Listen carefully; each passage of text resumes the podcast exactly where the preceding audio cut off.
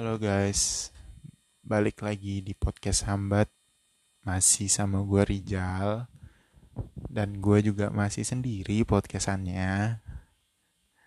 Ini gue lagi lagi anteng gitu ya. Anteng slow banget nadanya kayaknya. Ya podcastan buka buka podcast kali ini. Tidak terlalu menggebu-gebu. Karena belum belum saatnya ngegas nih. Kita belum masuk ke topik ngegas. Hidup itu harus ngegas biar jalan. Ah pada podcast kali ini gue tuh pengen ngobrolin masalah uh, konten dan kreatornya. Nah kenapa gue bahas ini? Karena kemarin baru rame konten ada salah seorang konten kreator yang membuat video terlalu terlalu tidak memfilter konsepnya gitu loh. Ya bagi sebagian orang itu salah. Sebagian besar yang hampir 99% orang bilang itu salah atau mungkin 100 tapi ya nggak tahu sih. Karena ya banyak nggak sih konten-konten creator baru yang hitungannya baru nginjak di YouTube tapi dia udah punya subscriber gede yang kemudian ngerasa wah gue udah paling apa konten creator paling konten creator lah intinya. Udah konten creator paling senior lah udah. Jadi suka seenaknya bikin konten kayak gitu. Nah permasalahannya adalah banyaknya konten creator yang seperti itu itu masalahnya. Ngerti gak sih? Maksud gue tuh sekarang semua orang bisa jadi konten creator gitu loh. Karena kita udah punya banyak platform yang bisa mengekspres diri kita dalam dalam bentuk apa pun gitu. Kayak contohnya apa Instagram atau YouTube gitu loh. Atau bahkan Twitter gitu. Thread itu bisa dibilang konten loh. Jangan salah. Nah maksud gue uh, dengan melihat banyaknya peluang untuk kemudian bisa disebut sebagai konten konten creator ya gue rasa kita harus ya kita semua pengguna pengguna platform itu harus benar-benar hati-hati gitu loh cuy. Karena apa? Karena nggak nggak semua konten itu pantas untuk dinikmatin gitu gue rasa itu loh maksud gue oke okay, memang nggak semua konten itu ada yang apa nggak semua konten itu disukain gitu loh. Tapi ya sekiranya kira-kira juga gitu loh. Kalau misalnya kayak gue sebut salah satu ini aja deh kontennya si Winson yang uh, entah itu dia makan sambil ngebacotin orang atau dia minum-minum. Oke itu contoh kecil dari mungkin tidak semua konten itu eh mungkin se sebuah konten itu tidak selalu disukai gitu loh. Tapi ya seenggaknya dia berpikir kalau misalnya konten yang dia buat yang minum-minum apa sih itu segala macam itu ditujukan untuk orang yang memang menyukai hal tersebut menyukai alkohol segala macam. It's okay gitu loh cuy. Seenggaknya dia tahu sasaran dia tuh siapa gitu loh. Sasaran kontennya dia siapa itu nggak apa-apa gitu tapi kalau misalnya lu bikin konten prank konten prank apalagi prank sampai bawa-bawa uh, menguji iman segala macam itu lu tujukan buat siapa gitu. Coba gue pen, penyuka prank. Ya orang yang yang suka sama prank juga mungkin tahu batasan kali cuy. Dan rata-rata juga orang-orang yang bikin video prank gue rasa itu apa ya? Ada ada yang settingan dan kalau misalnya lu bilang menguji iman itu settingan lu nggak ya gitu caranya gitu loh. Gue di sini gue di sini awalnya emang ngebelain kontennya Winston habis itu gue ngebacotin konten si orang ini tapi bukan berarti karena gue udah terlanjur benci sama orang ini. Enggak enggak bukan karena gue gua suka sama kontennya Winston yang berbau alkohol enggak juga. Karena gue melihat emang dari perspektif yang lebih luas karena ya itu lu mau tujuan konten itu buat siapa? Prankster. Prankster juga nggak ada yang sampai segitunya banget yang ibaratnya uh, kalau kita ambil contoh itu lu tujukan buat orang-orang yang doyan ngeprank nih.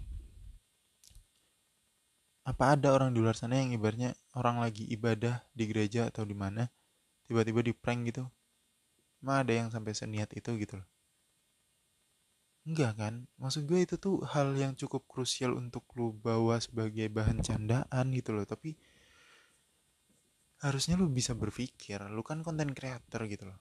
Konten creator ini apa sih? Bekal awalnya konten creator itu ya kreativitasnya. Orang-orang kreatif gitu loh yang harus yang pasti bisa jadi konten creator.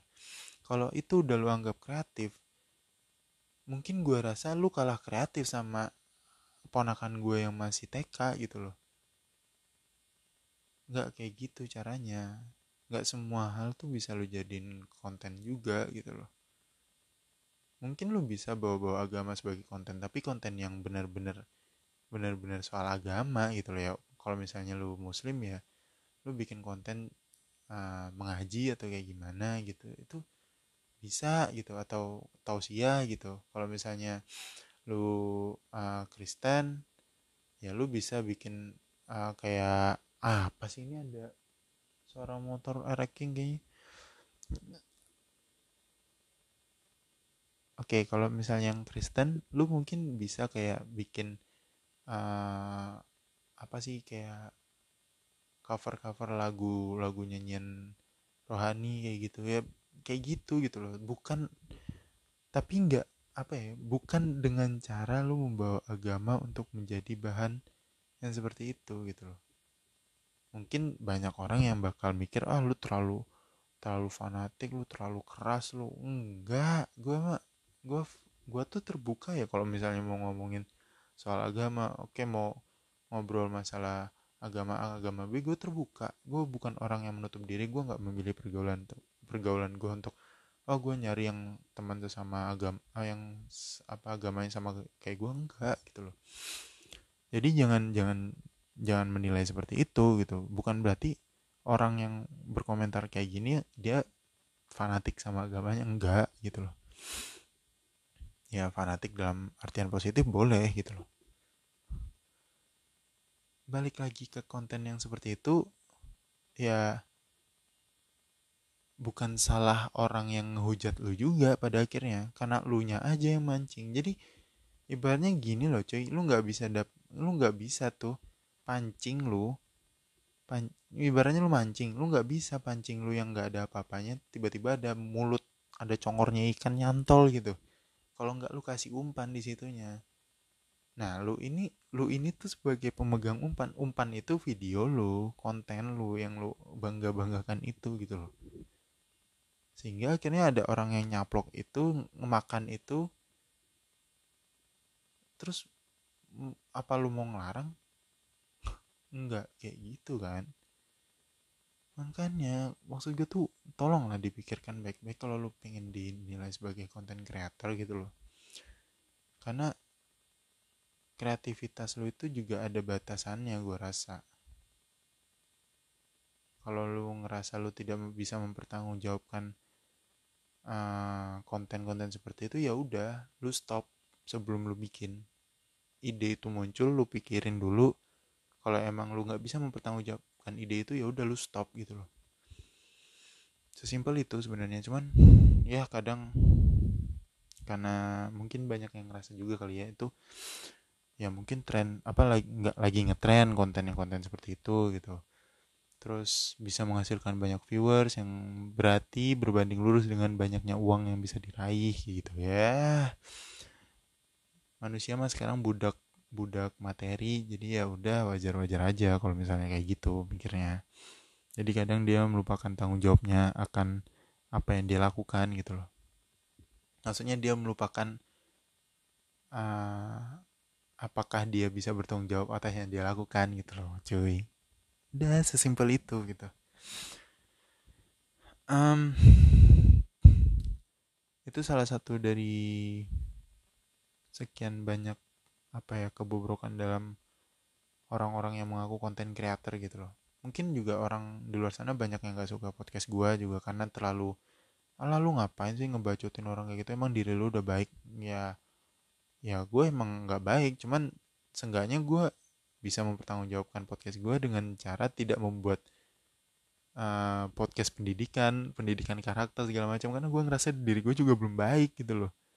Gue cuman mengomentari apa yang orang buat doang gitu. Apa yang terjadi dalam hidup gue juga gitu. Apa yang terjadi di masyarakat luas di sana.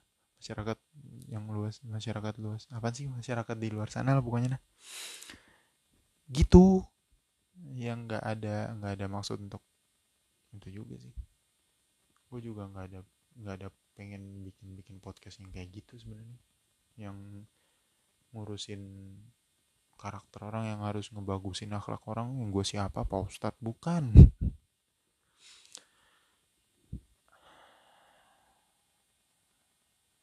Gue lupa sampai mana.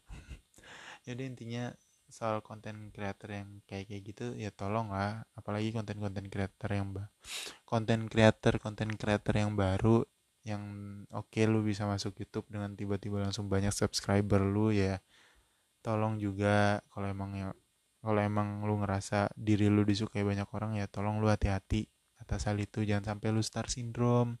Akhirnya lu berpikir oh segimanapun gua bertingkah orang bakal tetap suka gua nggak? Kayak gitu Bambang Maimun udah gitu intinya. Dan jangan juga uh, apa ya nggak bukan kalau misalnya gua ngomong jangan juga jatuhnya mungkin kayak apa ya kayak kayak ngelarang banget ya. Iya kan? Nah makanya di sini gue cuma apa ya gue ganti kali ya bahasanya. Dan tolong jangan jangan menjadikan drama juga untuk mengangkat nama lu gitu loh cuy. Kesel gak sih ngeliat drama? Maksud gue tiap orang hidup tiap orang tuh udah punya dramanya masing-masing. Mungkin ada yang lebih parah dari lu yang cuma sekedar putus nyambung sama pacar lu yang kemudian lu jadiin video di YouTube. Enggak gitu loh. Terus ada eh gitulah pokoknya. Enggak enggak enggak usah segitunya banget gitu loh. Lu kalau emang kehabisan konten ya lu belajar lu cari orang yang lebih ngerti soal gimana bikin konten kayak gitu. Ketimbang lu harus bikin-bikin drama kayak gitu cuman buat apa sih nyari nyari cuan dari kayak gitu kayak gitu. Drama drama settingan lagi. Tai lah. Mending kalau drama settingannya sebagus drama Korea. Ini najis. Ya apa ya intinya tolonglah bertindak sebagaimana konten kreator pada umumnya. Karena gue rasa tuh uh, ibaratnya lu lu udah bener-bener dipermudah gitu loh cuy. Ya gak sih? Bayangin aja dulu orang-orang kalau dibandingin zaman dulu ya orang-orang mungkin mau jadi artis itu kayak kayak gitu gitu. Atau mungkin ya konten-konten creator ya mereka harus berjuang keras banget untuk mereka bisa diterima di industri mereka masing-masing gitu. Ya bandingannya dulu kayak orang mau ibaratnya gini deh. Banyak juga orang yang bikin konten musik cover segala macam ya kan. Kalau zaman dulu orang mau jadi penyanyi aja gitu loh. Dia harus punya lagu yang bagus sampai akhirnya label atau produser musik mau ngangkat mereka gitu loh. Mau meng mengorbitkan mereka apa sih namanya? Mau mau memunculkan mereka gitu loh. Dan sekarang lu tuh udah dipermudah dengan adanya YouTube lu bisa. Ibaratnya tinggal pasang kamera depan lu lu gitar-gitaran ya udah lu bisa masuk YouTube bisa terkenal. Uh, kalau video lu bagus lu terkenal itu intinya dan terus lu punya akhirnya punya pemasukan dapat cuan yang banyak lu bisa semudah itu gitu loh.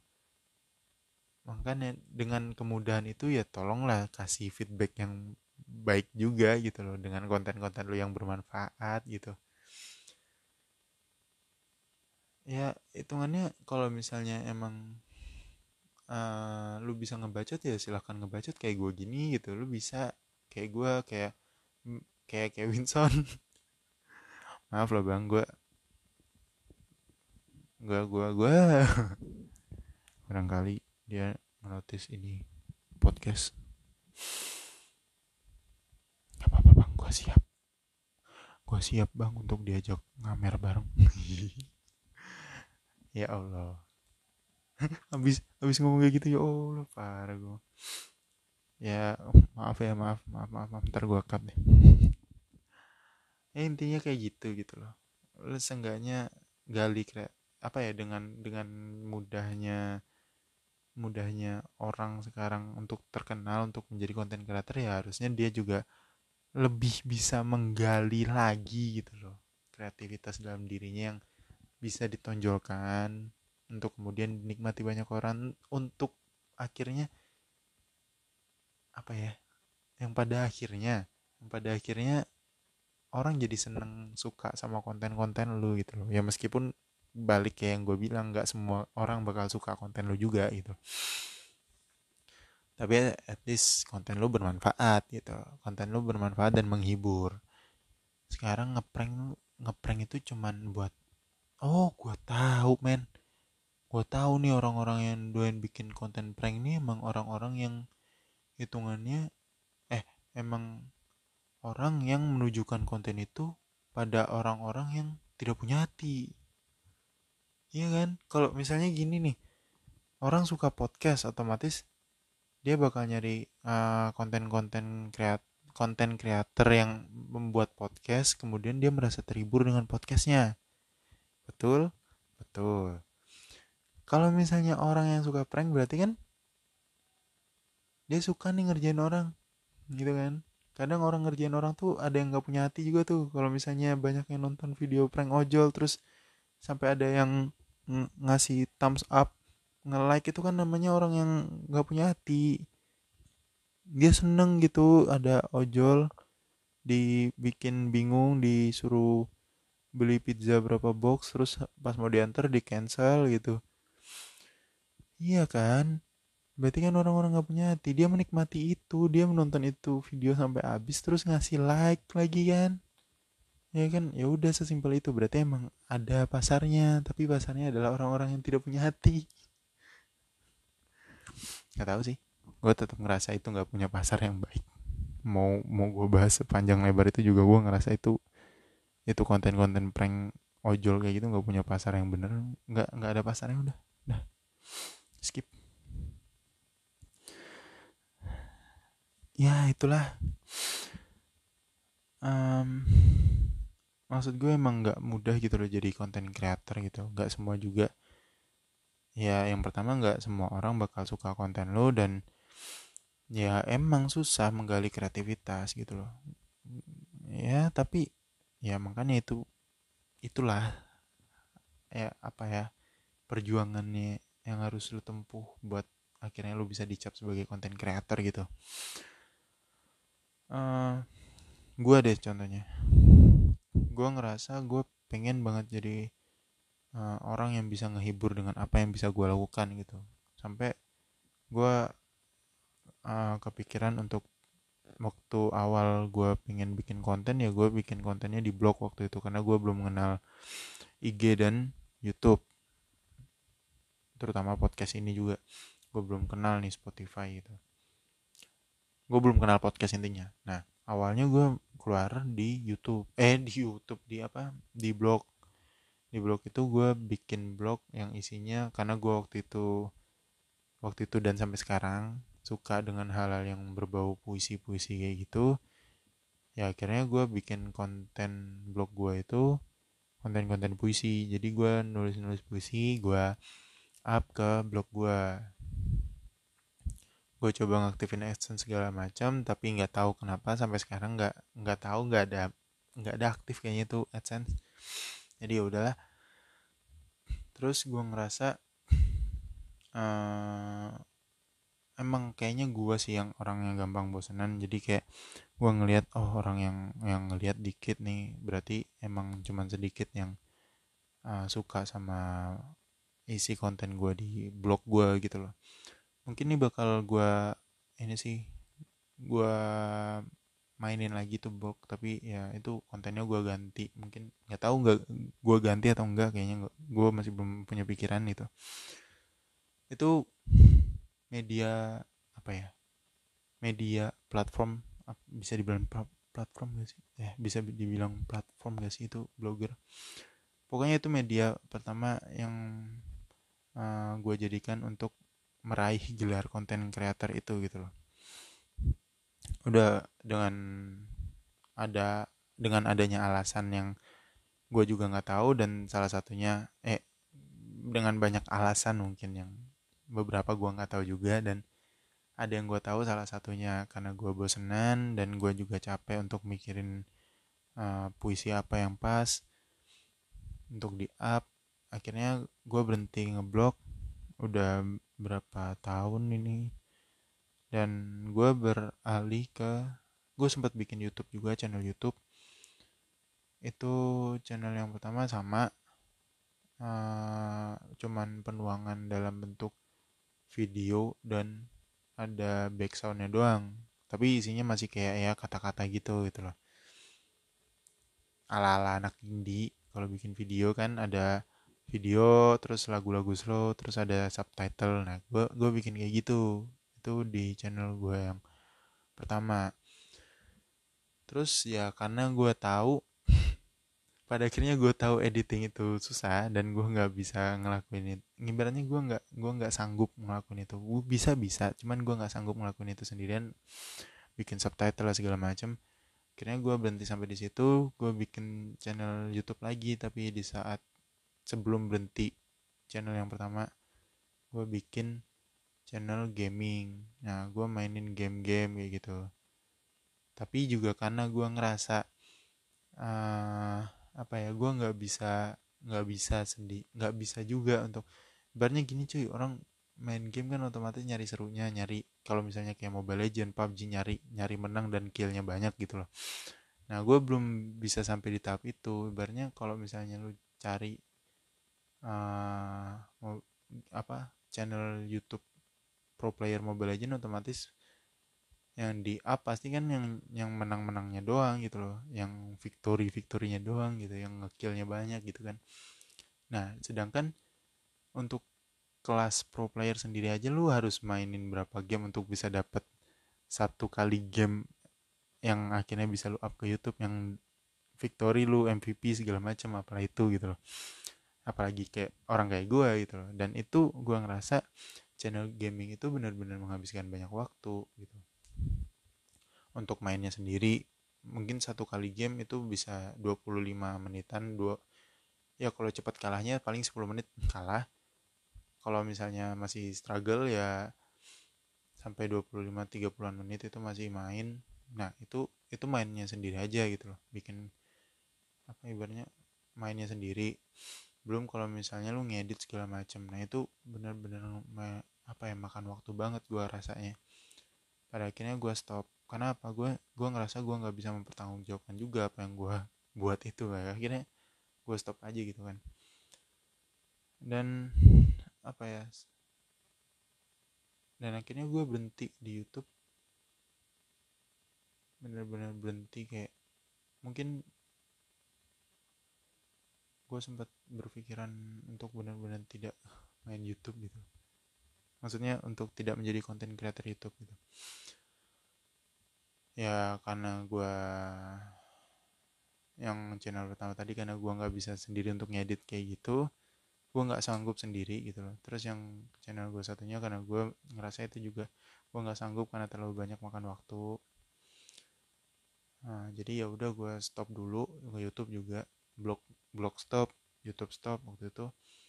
Dan gue juga sempet punya pikiran untuk jadi uh, content creator kulineran gitu loh. Karena waktu itu gue sering banget nonton kayak Next Carlos lah segala macam Magdalena segala macam gitu. Tan Boy Kun. Nah itu gue tertarik banget untuk apa gue coba ya itu tapi ya itu kan hitungannya dilakuin di luar. Nah gue belum belum terlalu pede buat ngelakuin itu gitu. Jadi ya udah gue mikirin dulu sampai akhirnya kalau misalnya udah jalan dan gue nggak bisa bertanggung jawabkan kan juga susah gitu kan. Ya udah akhirnya gue pikirin gue urungin dulu tuh niat gue yang itu. Sampai akhirnya gue tercetus buat bikin podcast ini. Ya udah.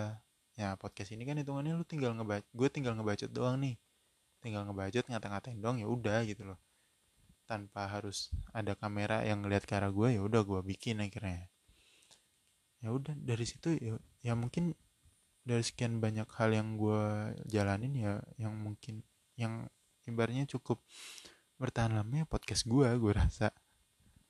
Nggak sih blog itu juga bertahan lama setahun kayaknya. Nah di balik itu semua uh, jangan kan berbicara tentang konten creator hmm, sebesar orang-orang yang punya subs lebih dari satu juta di luar sana gitu loh. Uh, hitungannya orang kayak gue nih orang yang ibaratnya ya nggak semua orang lah tahu. Podcast gue juga sepi banget gitu loh. Sepi banget belum nggak ada mungkin cuman beberapa episode yang statistiknya di atas 10 tapi masih di bawah 20 yang ngalamin yang ngalamin namanya komentar netizen gitu nggak usah ngomongin mereka di luar sana. Gue juga ngalamin gitu orang yang ibaratnya tuh gue tuh bukan apa-apa dan belum jadi siapa-siapa gitu loh cuy. Udah dapat komentar-komentar kayak gitu komentar-komentar netizen. Uh, yang terjadi sih gue nggak tahu gue nggak pernah dengar masalah yang di YouTube. Tapi yang terjadi itu di blog sama di uh, podcast gue gitu. Gue bahas dari blog dulu. Blog itu kan hitungannya gue bikin tentang apa pun yang gue rasakan gue tumpahkan dalam bentuk bait-bait puisi gitu kan. Ya udah berarti kan itu ya udah murni perasaan gue karena gue yakin juga para seniman-seniman yang bisa yang sering banget ngebuat puisi di luar sana juga melakukan hal yang sama atas apa yang dia rasakan di dalam hati dan kepalanya. Yang kemudian dia coba curahkan dalam bentuk kata-kata yang puitis. Muncullah itu puisi gitu kan. Nah gue juga mencoba seperti itu.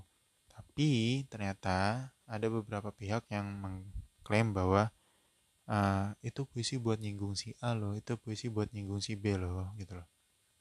Ya maksud gue kalau emang itu niatnya seperti itu apakah apakah gue harus mempertimbangkan apa ini bakal menyinggung atau tidak gitu loh karena itu yang gue rasain gitu karena gue balik lagi ke ke apa yang gue pikirkan puisi itu seperti apa gitu loh. Tanpa gue mikir apa apa puisi ini iya ngapain cuy? Apa lu pernah ngelihat uh, para seniman di luar sana yang ibaratnya ngelukis nih?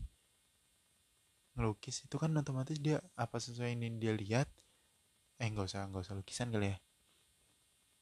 Uh, puisi deh perlu pernah ngelihat puisi yang ibaratnya tiba-tiba ada suatu seniman terkenal yang tiba-tiba dihujat oh ini puisi menyinggung saya. Ya enggak kan? Maksud gue tuh kenapa jadi lu yang ribut gitu loh padahal gue yang ngerasain gitu. Itu itu itu terjadi hmm, tahun 2019 kemarin. Ya 2019 itu tiba-tiba ada orang ya bisa dibilang gue tahu juga orangnya siapa ya udah gitu loh. Tapi gue mencoba untuk nggak bisa juga sih sebenarnya mencoba untuk biasa aja atas hal-hal yang seperti itu tapi ya udah gitu. Gue coba uh, ya udahlah skip aja gitu loh. Terus yang di podcast juga kemarin gue uh, kejadian juga ada episode yang akhirnya gue take down. Padahal tuh gara-gara podcast itu bener-bener itu murni dari hati gue ya itu rame loh yang nonton. Dalam berapa hari aja tuh udah udah yang, yang nonton yang dengerin dalam berapa hari aja tuh udah udah 10 tayangan hampir berapa gitu gue lupa. Tapi akhirnya ya karena ada perdebatan antara gue teman gue dan cewek gue waktu itu ya udah akhirnya gue take down lah timbang jadi masalah yang lebih meluas lebar ke yang akhirnya tidak hanya sebatas gue dan orang yang merasa tersinggung tapi justru ke cewek gue justru ke teman gue bahkan sampai keluarga gue gue nggak mau sampai situ. Jadinya udah gue mikirin gue lebih mikirin orang-orang di sekitar gue yang peduli sama gue ketimbang mereka yang ngehujat gue gitu. Gue mikirnya kayak gitu.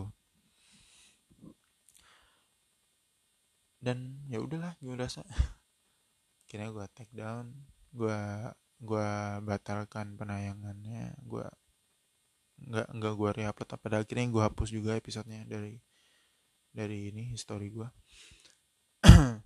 terus ya gitu.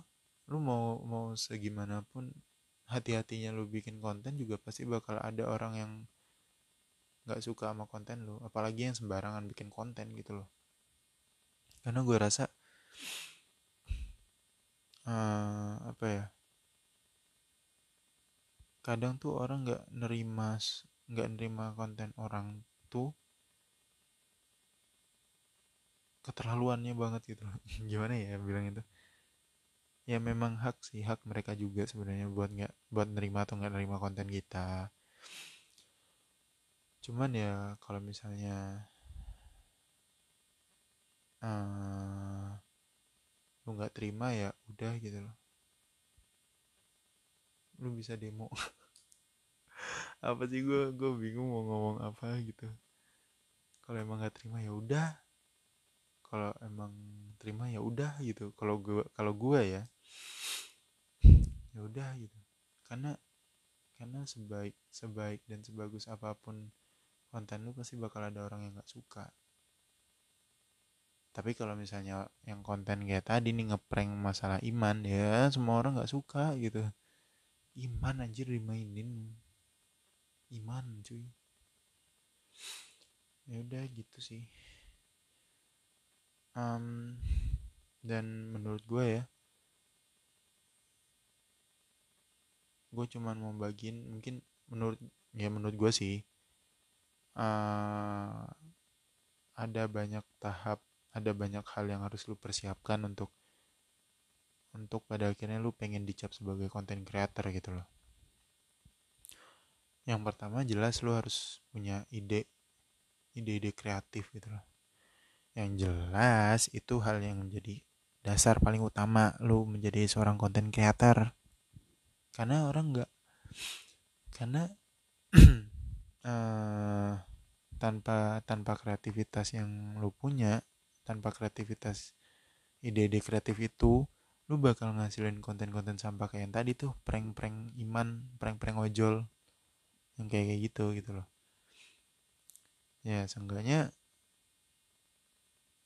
uh, ada yang lebih bermanfaat lah gitu loh. Dan uh, dari ide-ide kreatif lo ini lu tahu akhirnya pasar lu ke mana gitu. Ya kan lu tahu pasar lu ke mana akhirnya. Dari ide ini lu tarik oh gue dapat ide yang seperti ini gue bikin konten yang seperti ini. Buat apa? Buat orang-orang ini loh. Nah akhirnya lu tahu tuh pasarnya ke siapa tuh. Tahu kan?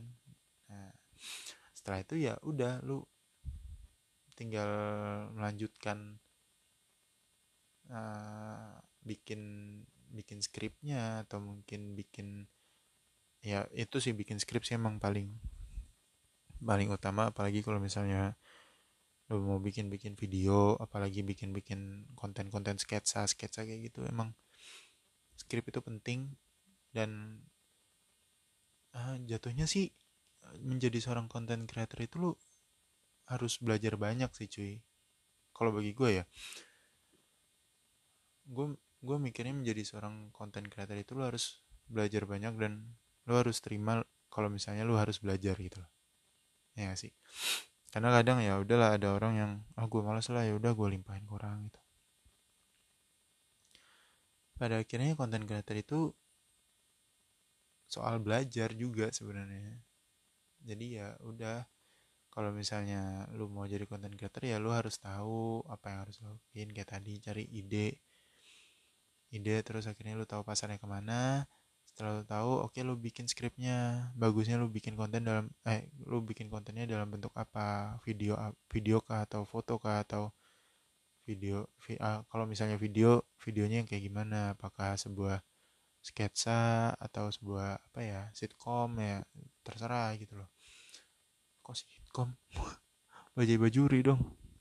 Ya pokoknya itu dari dari dari ide akhirnya lu tahu pasar lu ke mana. Nah setelah lu selesai berkecimpung di dua hal itu uh, kemudian lu tarik lagi konten lu mau lu buat seperti apa gitu kan. Setelah lu tahu konten lu buat mau dibuat seperti apa ya udah lu bikin skripnya. Skripnya jadi ya udah. Gue bilang belajar tadi di mana? Ya itu lu harus belajar caranya menentukan konten yang tepat gitu. Terus setelah itu lu juga harus uh, belajar membuat skrip satu rangkaian skrip yang benar-benar sesuai dengan apa ap, sesuai dengan ide lu tadi sesuai dengan konten yang mau lu buat.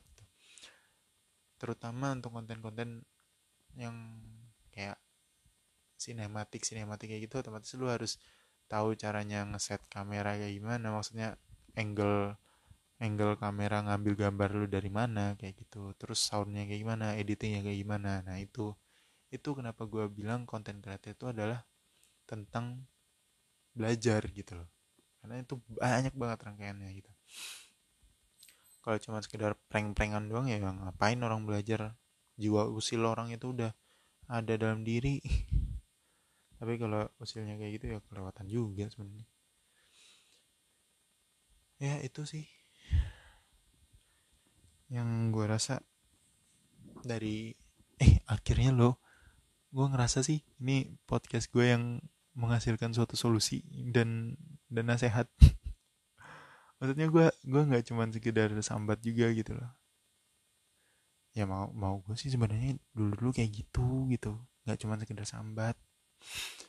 Tapi ya gue takutnya dijudge untuk ala lu ngapain sih kayak gitu? Sosok ngasih nasihat sosok ngasih ilmu sok bijak lu. Emang lu udah paling pinter. Malas banget tuh tapi ya namanya sebuah konten ya kan gak semua orang suka. Ya udah mau mau lu bikin konten dengan seislami apa pun lu gak gak semua orang ya ya mungkin masih ada orang juga yang nggak suka akan itu gitu. Mau lu orang mau lu orang serama apa pun bikin kontennya juga pasti ada juga yang nggak suka gitu emang netizen.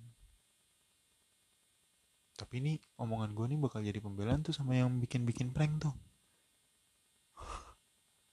ya balik lagi ke konten eh ke hal kedua tuh setelah kreativitas tadi apa ya kan? Pasar yang lo tuju gitu.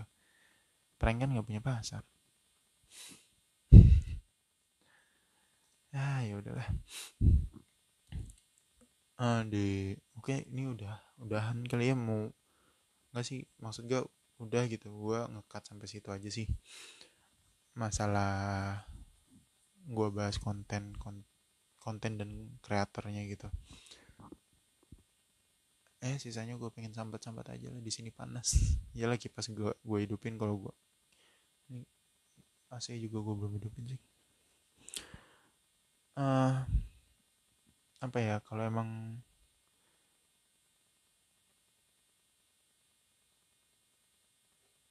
krik krik ini kalau orang yang dengerin kok lama banget nih udah selesai belum sih gue diemnya gapnya lama banget.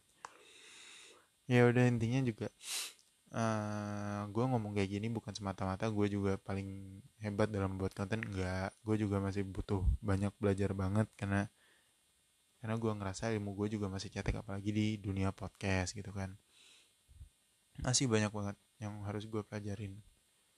Dan uh, kalau emang uh, apa ya jalan ninja lu adalah menjadi seorang content creator ya udah lu lu belajar. Itulah kenapa gue bilang content creator content creator itu adalah soal belajar gitu. Ya itu.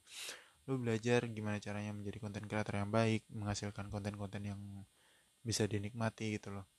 Masalah hujatan-hujatan pasti ada gitu.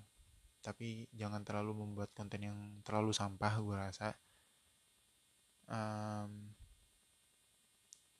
dan ya itulah intinya soal belajar lah intinya. Ya soal belajar. Dan uh, mungkin jangan kayak gue kali ya yang ibaratnya lu bikin eh gue bikin konten di apa kemudian nggak nggak gue selesaiin nggak gue lanjutin gue bikin konten di YouTube gue bikin konten di blog nggak gue lanjutin semua kayak gitu udah pokoknya jangan kayak gitu. Kalau emang lu niatnya pengen jadi content creator ya udah lu belajar. Belajar cara menjadi content creator yang baik sampai akhirnya lu benar-benar bisa ngegapai asik bahasa gua ngegapai. Ya intinya lu bisa ngegenggam itu cita-cita lu sampai akhirnya lu bisa disebut sebagai content creator gitu. Ya kan? Karena gua nggak tahu ya mungkin anak-anak zaman sekarang itu ngerasa content creator itu adalah suatu pekerjaan yang keren gitu apalagi content creator YouTube youtuber gitu. Anjir lah ponakan gue aja dulu waktu waktu umur umur masih kelas 1 SD dia ngomong coba ke bokapnya ke abang gue yang otomatis abang gue kalau dia gede mau jadi youtuber. Kesel nggak lu dengernya? Gue zaman kecil tuh ya ngomong sama teman gue tuh lu kalau gede mau jadi apa? Oh gue jadi TNI oh gue jadi polisi oh gue jadi pilot jadi astronot ini kagak cuy. Jadi youtuber tuh udah bener-bener cita-cita anak SD zaman sekarang kayaknya. I don't know mungkin bakal ada juga sih orang-orang yang eh, bukan orang-orang sih anak-anak yang kalau gue tanyain masih ada yang cita-citanya jadi polisi. Ya tapi cuma beberapa dari sekian persen. Ya udah intinya itu banyak hal yang gue udah sampaikan ya. Semoga lu dapet apa ya namanya semoga lu dapet ininya sih dapet positifnya jangan cari negatifnya dari omongan gue gitu loh. Mungkin lu ngerasa lu nggak suka kontennya Winston terus lu tahu gue suka kontennya Winston ya terus lu musuhin gue jangan juga gitu loh. Banyak hal lain yang bisa lu ambil dari podcast gue meskipun gue rasa juga nggak banyak gitu ada lah tapi ambil positifnya maksud gue tuh. Hmm, sorry. Um, udah dulu kali ya. Ini bentar lagi juga mau sahur dan gue belum tidur. Ya udah gue uh, gue terima kasih banget untuk orang-orang yang mungkin masih ngedengerin podcast gue sampai di episode ini. Uh, tenang gue masih bakal uh, mencari tahu gimana caranya menjadi podcast eh menjadi podcast menjadi apa sih pot yang punya podcast yang ke podcast ini apa sih namanya podcaster? Enggak kan? Host host masa host kayak host insert gitu. Ya intinya gue masih belajar juga dalam hal podcast gitu loh untuk untuk bisa lebih baik lagi yang akhirnya nanti juga lu bisa nikmatin gitu.